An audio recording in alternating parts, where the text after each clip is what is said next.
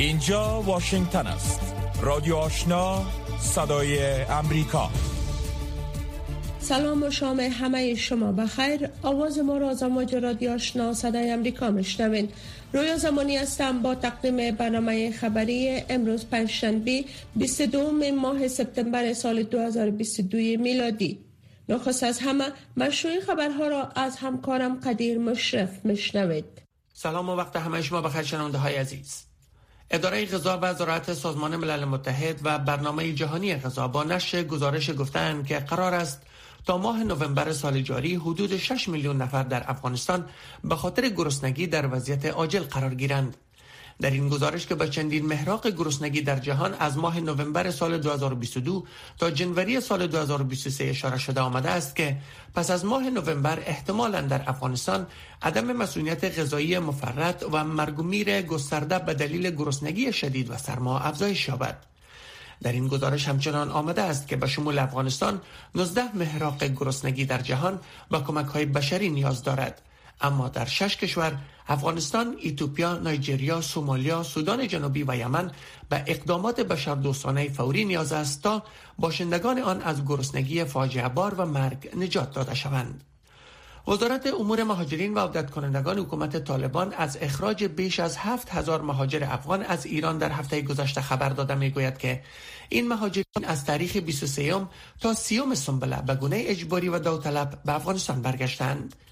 این وزارت گفته است که از جمله این مهاجرین بیش از نصف آنها به گونه اجباری از ایران به افغانستان فرستاده شدند به گفته این وزارت سازمان بینالمللی مهاجرت به شمار از این افراد در هرات و نیمروز کمک کرده است با این حال عفو بین الملل در ماه اگست سال روان میلادی اعلام کرد که ایران و ترکیه برخلاف قوانین بین المللی از ورود مهاجرین و پناهجویان افغان به کشورهایشان جلوگیری می کنند. مسئولان اتاق زراعت و مالداری می گویند که 50 درصد شرکت های صادر کننده زعفران در ماه اخیر در افغانستان مسدود بودند. در این حال وزارت زراعت و مالداری حکومت طالبان می گوید که امسال 10 تن زعفران تنها از ولایت هرات تولید شده است.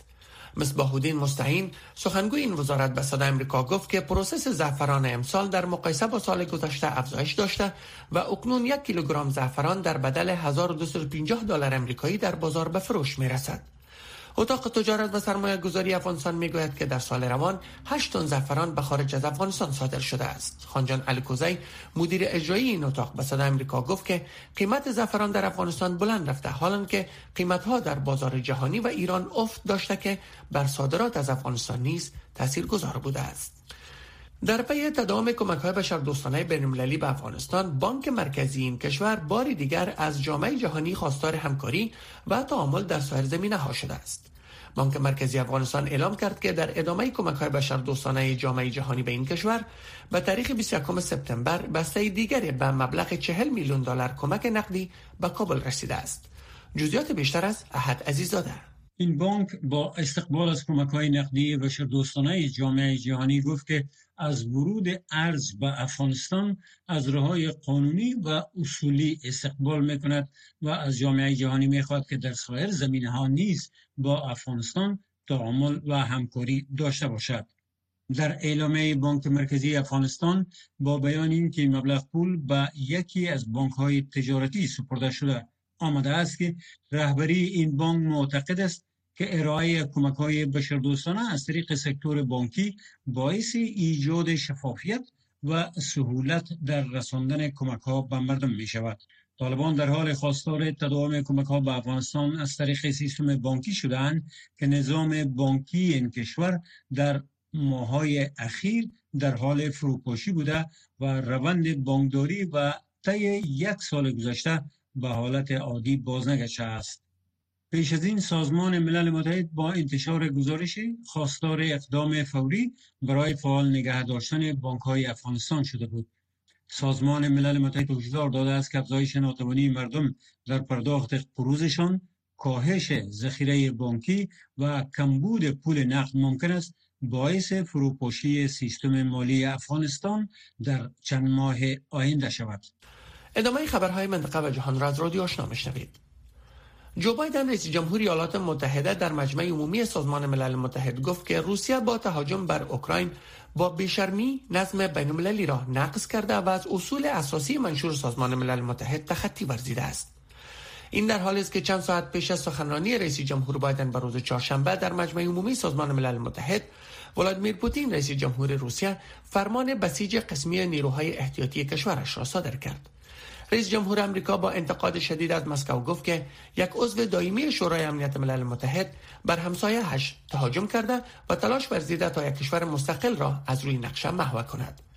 در کنار این آقای بایدن از گسترش شورای امنیت نیز حمایت کرد در که از دهه ها بدین سو بر آن ژرف اندیشی صورت گرفته و امریکا پیش از این به آن علاقمندی نشان نداده بود پس از دو سال همهگیری ویروس کرونا امسال موضوع عمده بحث را در مجمع عمومی سازمان ملل متحد تهاجم روسیه بر اوکراین تشکیل می دهد. درخواست رهبران سراسر جهان برای صلح هم تقویت دوستانه از وضعیت ناهنجار و اسفبار اوکراینی ها بود که در محاصره روسیه قرار دارند و هم ناشی از منافع شخصی این رهبران بوده است.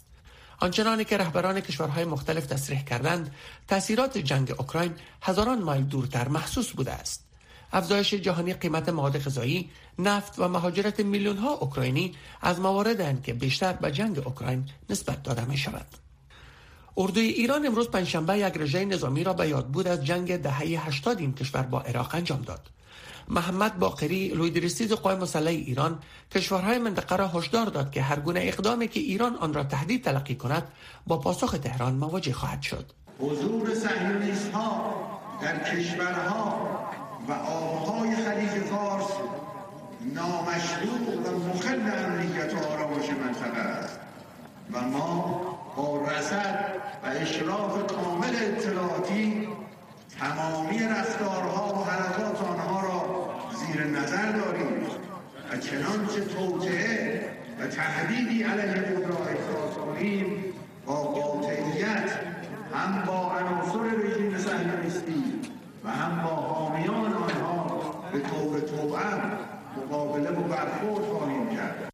او همچنان گفت که ایران هیچ تغییر در مرزهای شمالی خود با آذربایجان و ارمنستان را تحمل نخواهد کرد. چندین میزایل و تیاره های بدون سرنشین و شمول یک نوع میزایل جدید بالستیک مسما بر رزوان در این رژه نظامی به نمایش گذاشته شد. یک سیستم میزایل جدید به نام خیبر نیز در معرض نمایش گذاشته شد که هر دو میزایل توانایی رسیدن به پایگاه های اسرائیل و ایالات متحده را دارا می باشند.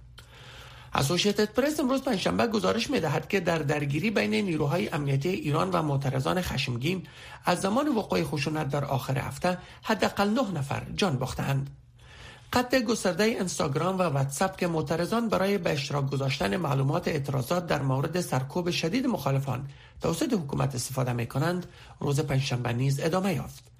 به نظر می رسد که مقامات دسترسی اینترنت به دنیای خارج را مختل می کنند تکتیکی که به گفته فعالان حقوق بشر حکومت ایران اغلب در مواقع نارامی ها از آن استفاده می کند اعتراضات سرتاسری در ایران پس از آن اوج گرفت که یک دختر 22 ساله در بازداشت پلیس ارشاد ایران جان باخت. دختران ایرانی در سراسر این کشور گرد هم آمده و به رسم اعتراض در بسیاری گرد همایی ها چادرهایشان را به آتش کشیدند. وزارت دفاع روسیه امروز پنجشنبه رسما تبادل زندانیان را با اوکراین تایید کرد. ایگور کوناشینکوف سخنگوی این وزارت گفت که در نتیجه یک روند مذاکرات پیچیده 55 سرباز فدراتیو روسیه لوهانسک و جمهوری مردم دونتسک شب گذشته از ساحه تحت کنترل کیف انتقال داده شدند جایی که با گفته آقای کوناشینکوف زندگی آنان در معرض خطر بود. در اوایل امروز پنجشنبه اوکراین اعلام کرد که یک تبادله سطح بلند زندانیان را که شامل 55 زندانی و یک متحد نزدیک ولادیمیر پوتین بود انجام داده است که نتیجه ماها تلاش برای آزادی بسیاری از جنگجویان اوکراینی بود که از فابریکه آهن ماریوپول در جریان محاصره روسیه دفاع می کردند. و منطقه لوهانسک تحت کنترل روسیه برای یک همه پرسی آمادگی می گیرد که بخشی از روسیه باشد یا خیر. تلویزیون دولتی روسیه امروز پنجشنبه با نشین گزارش اوراق رایدهی را نشان داد که در یک دفتر چاپ محلی چاپ شدند. یکی از کارمندان گفت که ورقه های رایدهی در حال تحویل دهی به مراکز رایدهی هند. کمیسیون انتخاباتی نیز بر اساس این گزارش به کار خود آغاز کرده و قرار است باشندگان منطقه لوهانسک در شرق اوکراین فردا رایدهی را از خانه آغاز کنند. قرار است به تاریخ 27 سپتامبر که آخرین روز همه پرسی خواهد بود بیش از 460 مرکز رایدهی باز باشد. در آن روز در منطقه لوهانسک رخصتی عمومی اعلام شده است. پایان خبرهای افغانستان منطقه و جهان از رادیو آشنا صدای امریکا. هفت روز هفته با رادیو آشنا صدای امریکا. شنونده های محترم شما مشروع خبرها را شنیدید و حالا می پردازیم به گزارش این بخش برنامه.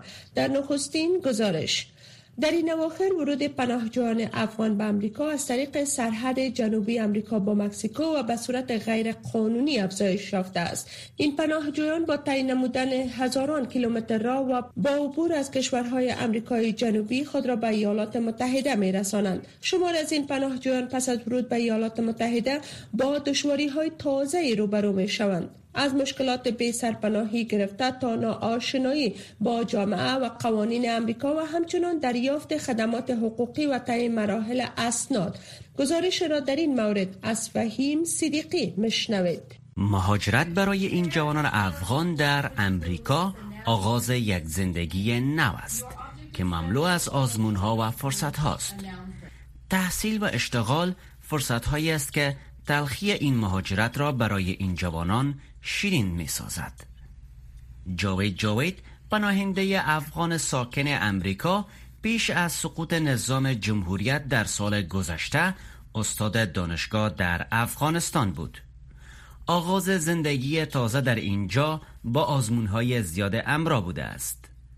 اما او توانسته است بر این چالش ها فائق و با آرزوهایش نزدیکتر شود.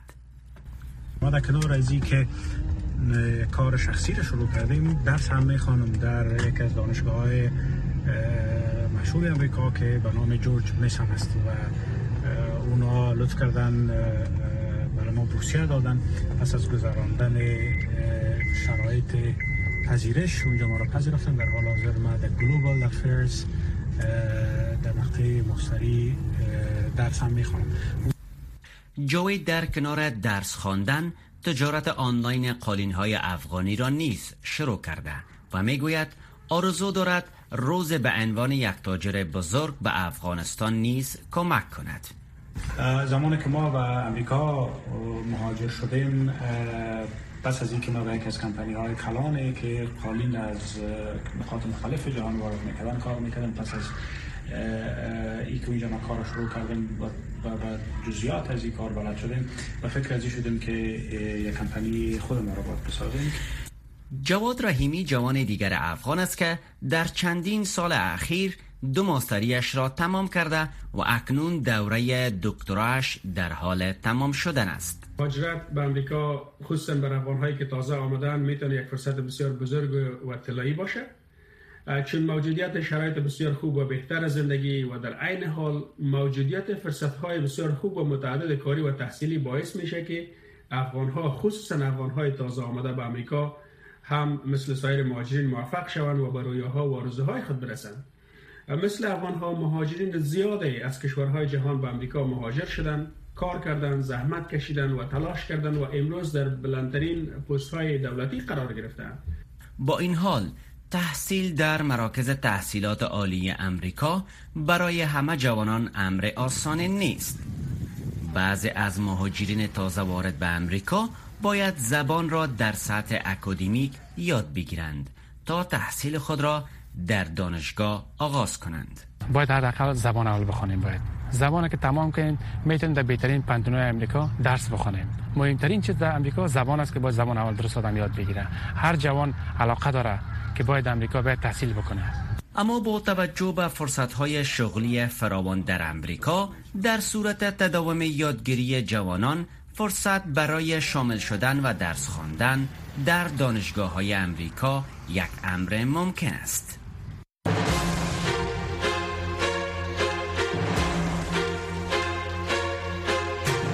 صدای امریکا هفت شام تا هفت صبح FM 185 و موج متوسط 1296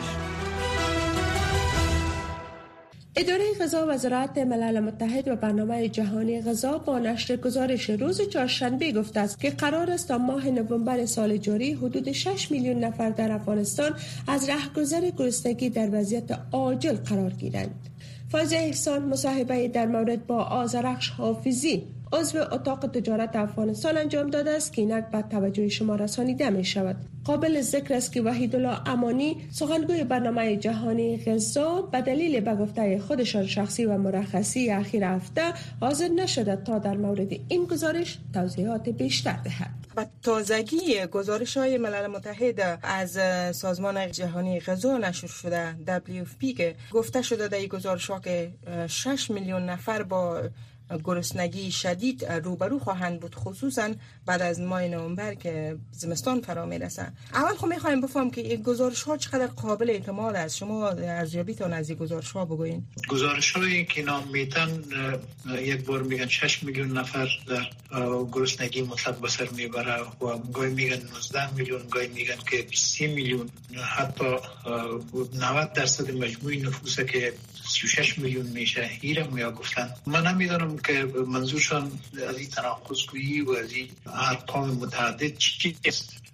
شاید حدس می‌زنم که گرسنگی مزمن که یعنی خطر مرگ وجود داره و خطر سوی تغذیه شدید وجود داره شاید 6 میلیون باشه و گرسنگی که یعنی نورمای فیزیولوژیک تغذیه را برات کرده نتونن و محروم باشن مردم از او 19 تا 20 میلیون نفر باشن اما مطالعه خود ما و درک خود ما همی است که افغانستان در یک وضعیت بین نهایت خراب اقتصادی قرار دارن. حتی یک چهار میلیون نفری که به نحوی از آنها از دولت افغانستان تنخواه می گرفتن و قدرت خرید به خانواده خود تزریق می‌کردن. علال اکثر اونا هم بیکار شدن. متقاعدین حتی تنخواه ندارن. خانواده شهدا تنخواه ندارن. معلولین هم شکایت می‌کنن از اینکه برشون پول نمی‌رسه. این یک چهار میلیون نفر در حقیقت یک چهار میلیون خانواده رو تمویل می‌کردن. و وقتی که اینا درآمد خود بتن به این معناست که یک اشاره چهار میلیون خانواده که حدود 11 میلیون نفر میشه یک قلم می زیر فقر رفتن. در پالی از این خوشسالی ها آفات طبیعی مانند زلزله ها و سیلاب ها هم و ناامنی ها در مناطق مختلف و عدم مسئولیت اجتماعی سبب شد که بسیاری ها هم جا و خانواده خود بگذارن و مهاجر شوند به شهرها و بیجا شوند. اینا هم بسیاری از فقرا و گرسنه ها پیوستن. رای حل چی است؟ رای حل فوری بر مشکل گرسنگی شدید در افغانستان چی می‌تونه باشه؟ رای حل خو اصلا رای حل فوری اگر بگیم که برای که تلف نشن مردم و زمستان در راه هست به غیر از این کمک های شکل دوستانه. در این بر نجات از این مردم دیگرای وجود نداره. همیار مردم از گرسنگی و فقر فرزندان خود میفروشن و اعضای بدن خود اعلام می‌کنن. از این که دیگه حالت بدتر شده نمی‌تونه باید جامعه بین اقدامات فوری بکنه به خاطر از که یک ماه یا دو ماه تمام های مواصلاتی و ولایت سرسیر افغانستان بسته میشه و وقتی که کمک هم و کمک بازکس رسانده نمی‌تونه و فاجی بشری در راه هست بغیر از کمک فوری از و دیگه رای حلی وجود نداره به خاطر از اینکه از بین بردن فقر یک برنامه در از مدت است و از بین بردن بیکاری هم پروگرام های اقتصادی کار داره سرمایه‌گذاری کار داره که در نبود یک آدرس رسمی مشروع مختلف برنامه دولت امکان از این سرمایه‌گذاری ها و امکان جلب کمک های برای ساختن زیربناها از طریق بودجه دولتی امکان نداره شما فکر می‌کنین کمک هایی که طرف نهادهای بشر دوستانه مثل WFP و ای سازمان ملل می‌رسه کافی باشه برای اندازه جمعیتی که با گرسنگی رو بروز؟ او اینا رو باید یا مطالعه کنن و یا خود کنن. ما با ده میلیون یا دوازده میلیون نفر کمک رساندیم. اما شکایت های مردم یه است که کمک ها هم به صورت شفاف نمی‌رسه به دست مردم. اول خب هزینه های که مؤسساتی که کمک ها رو میرسانن بسیار بالاست. به طور مثال خود سازمان ملل متحد پیش از کمک ها به 15 درصد از مجموع کمک ها رو به خاطر مصارف اداری خود و ملاقی که می‌کنن می‌گیرن بعد از او هزینه های که ایره باز خود از با اینجا میتن یا مؤسسات غیر دولتی. اون مؤسسات غیر دولتی هم 15 درصد خود می‌گیرن با علاوه به مصارف عملیاتی خود که کمک ها میرسانن و پرسنل استخدام می‌کنن و دیگه کارا می‌کنن او را حساب می‌کنن. این در قدم اول خو یک سی چل فیصد از خو رقم زایی میشه. و باقی ماندهش هم اگه با شفافیت برسه 50 60 درصد باقی ماندهش هم بازم غنیمت است. اما گزارش های وجود داشته که در بعض موارد از اون سو استفاده صورت گرفت. صدای امریکا رادیو آشنا 100.5 FM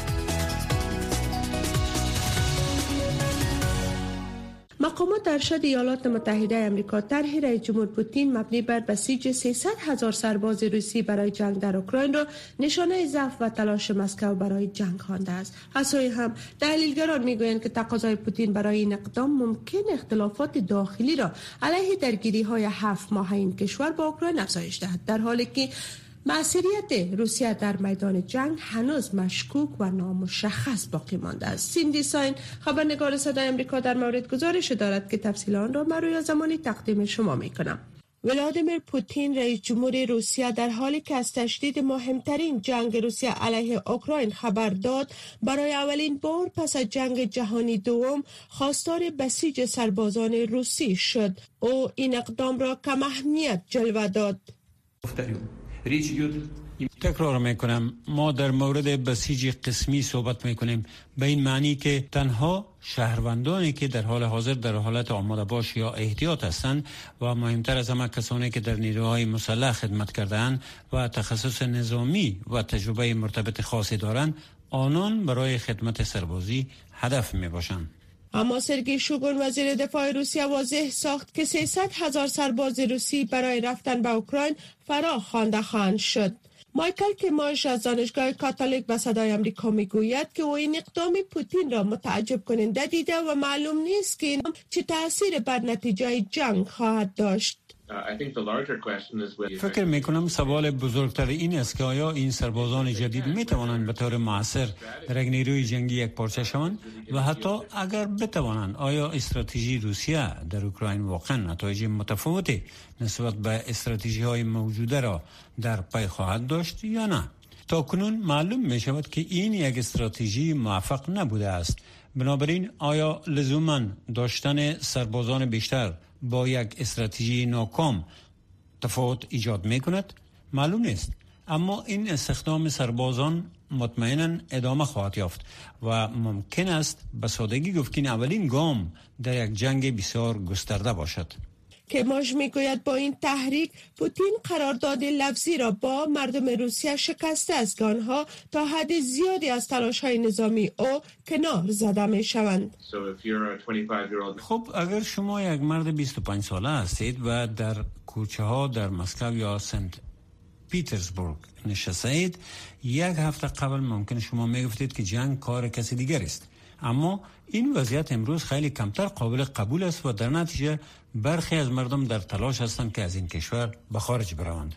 در مسکو و دیگر شهرها معترضان شام چهارشنبه به خیابانها ریختند تا به طرح پوتین مبنی بر استخدام سرباز اعتراض کنند. بسیاری از آنها توسط پلیس بازداشت شدند.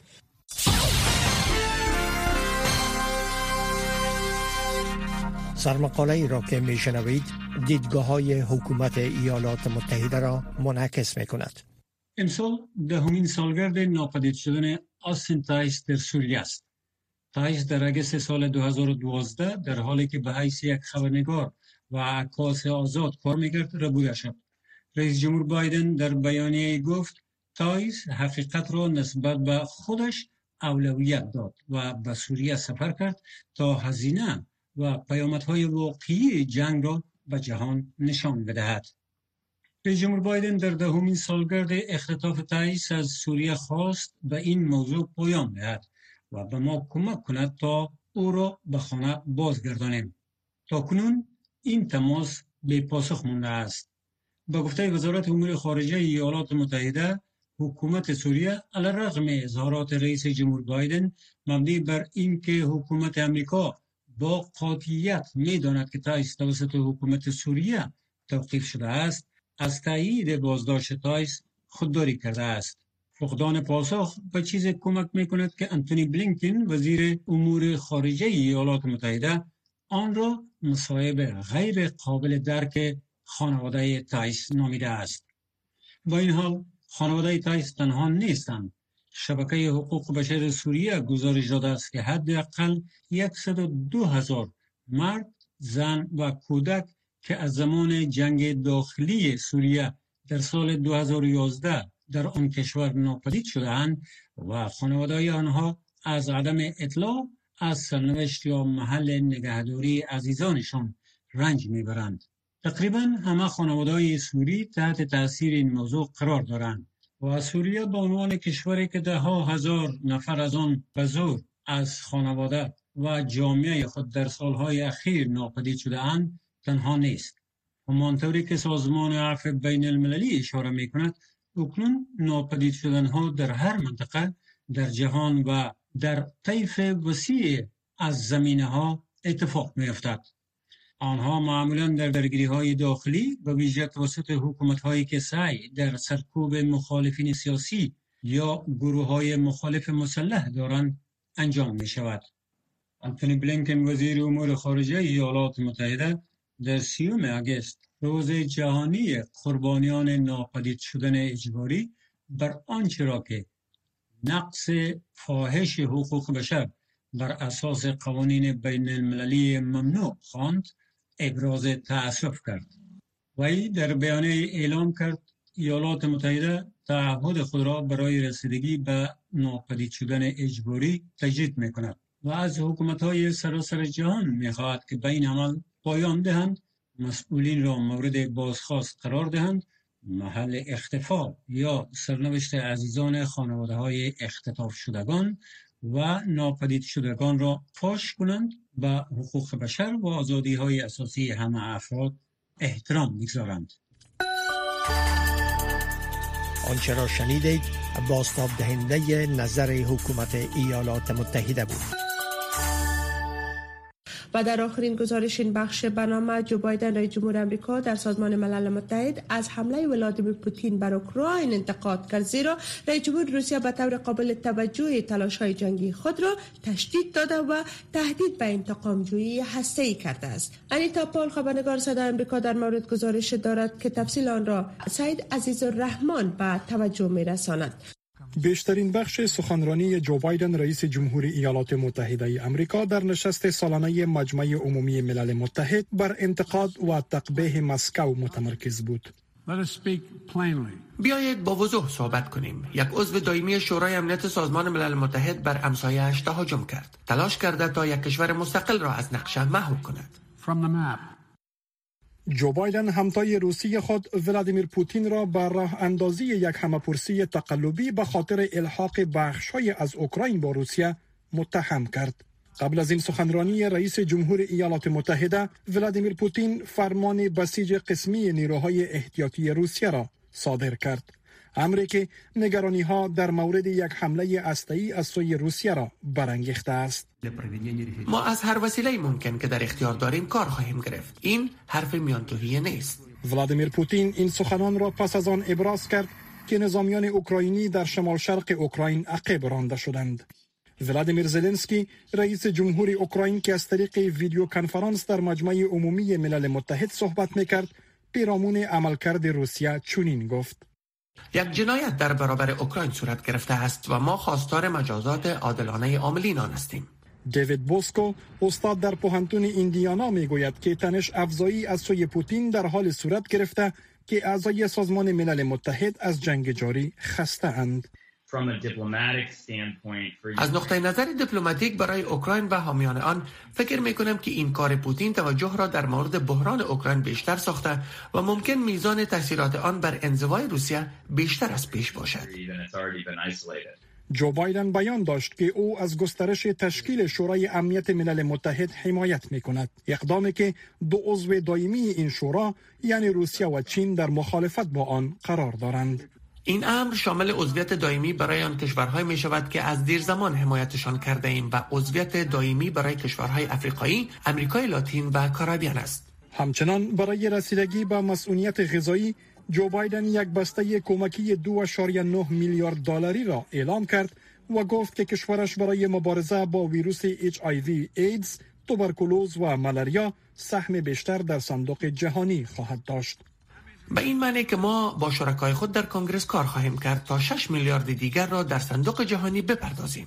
با تعقیب سخنرانی در مجمع عمومی ملل متحد، رئیس جمهور بایدن دیدارهای دو جانبه با منشی عمومی این سازمان و رهبران کره جنوبی، ژاپن و بریتانیا نیز داشت.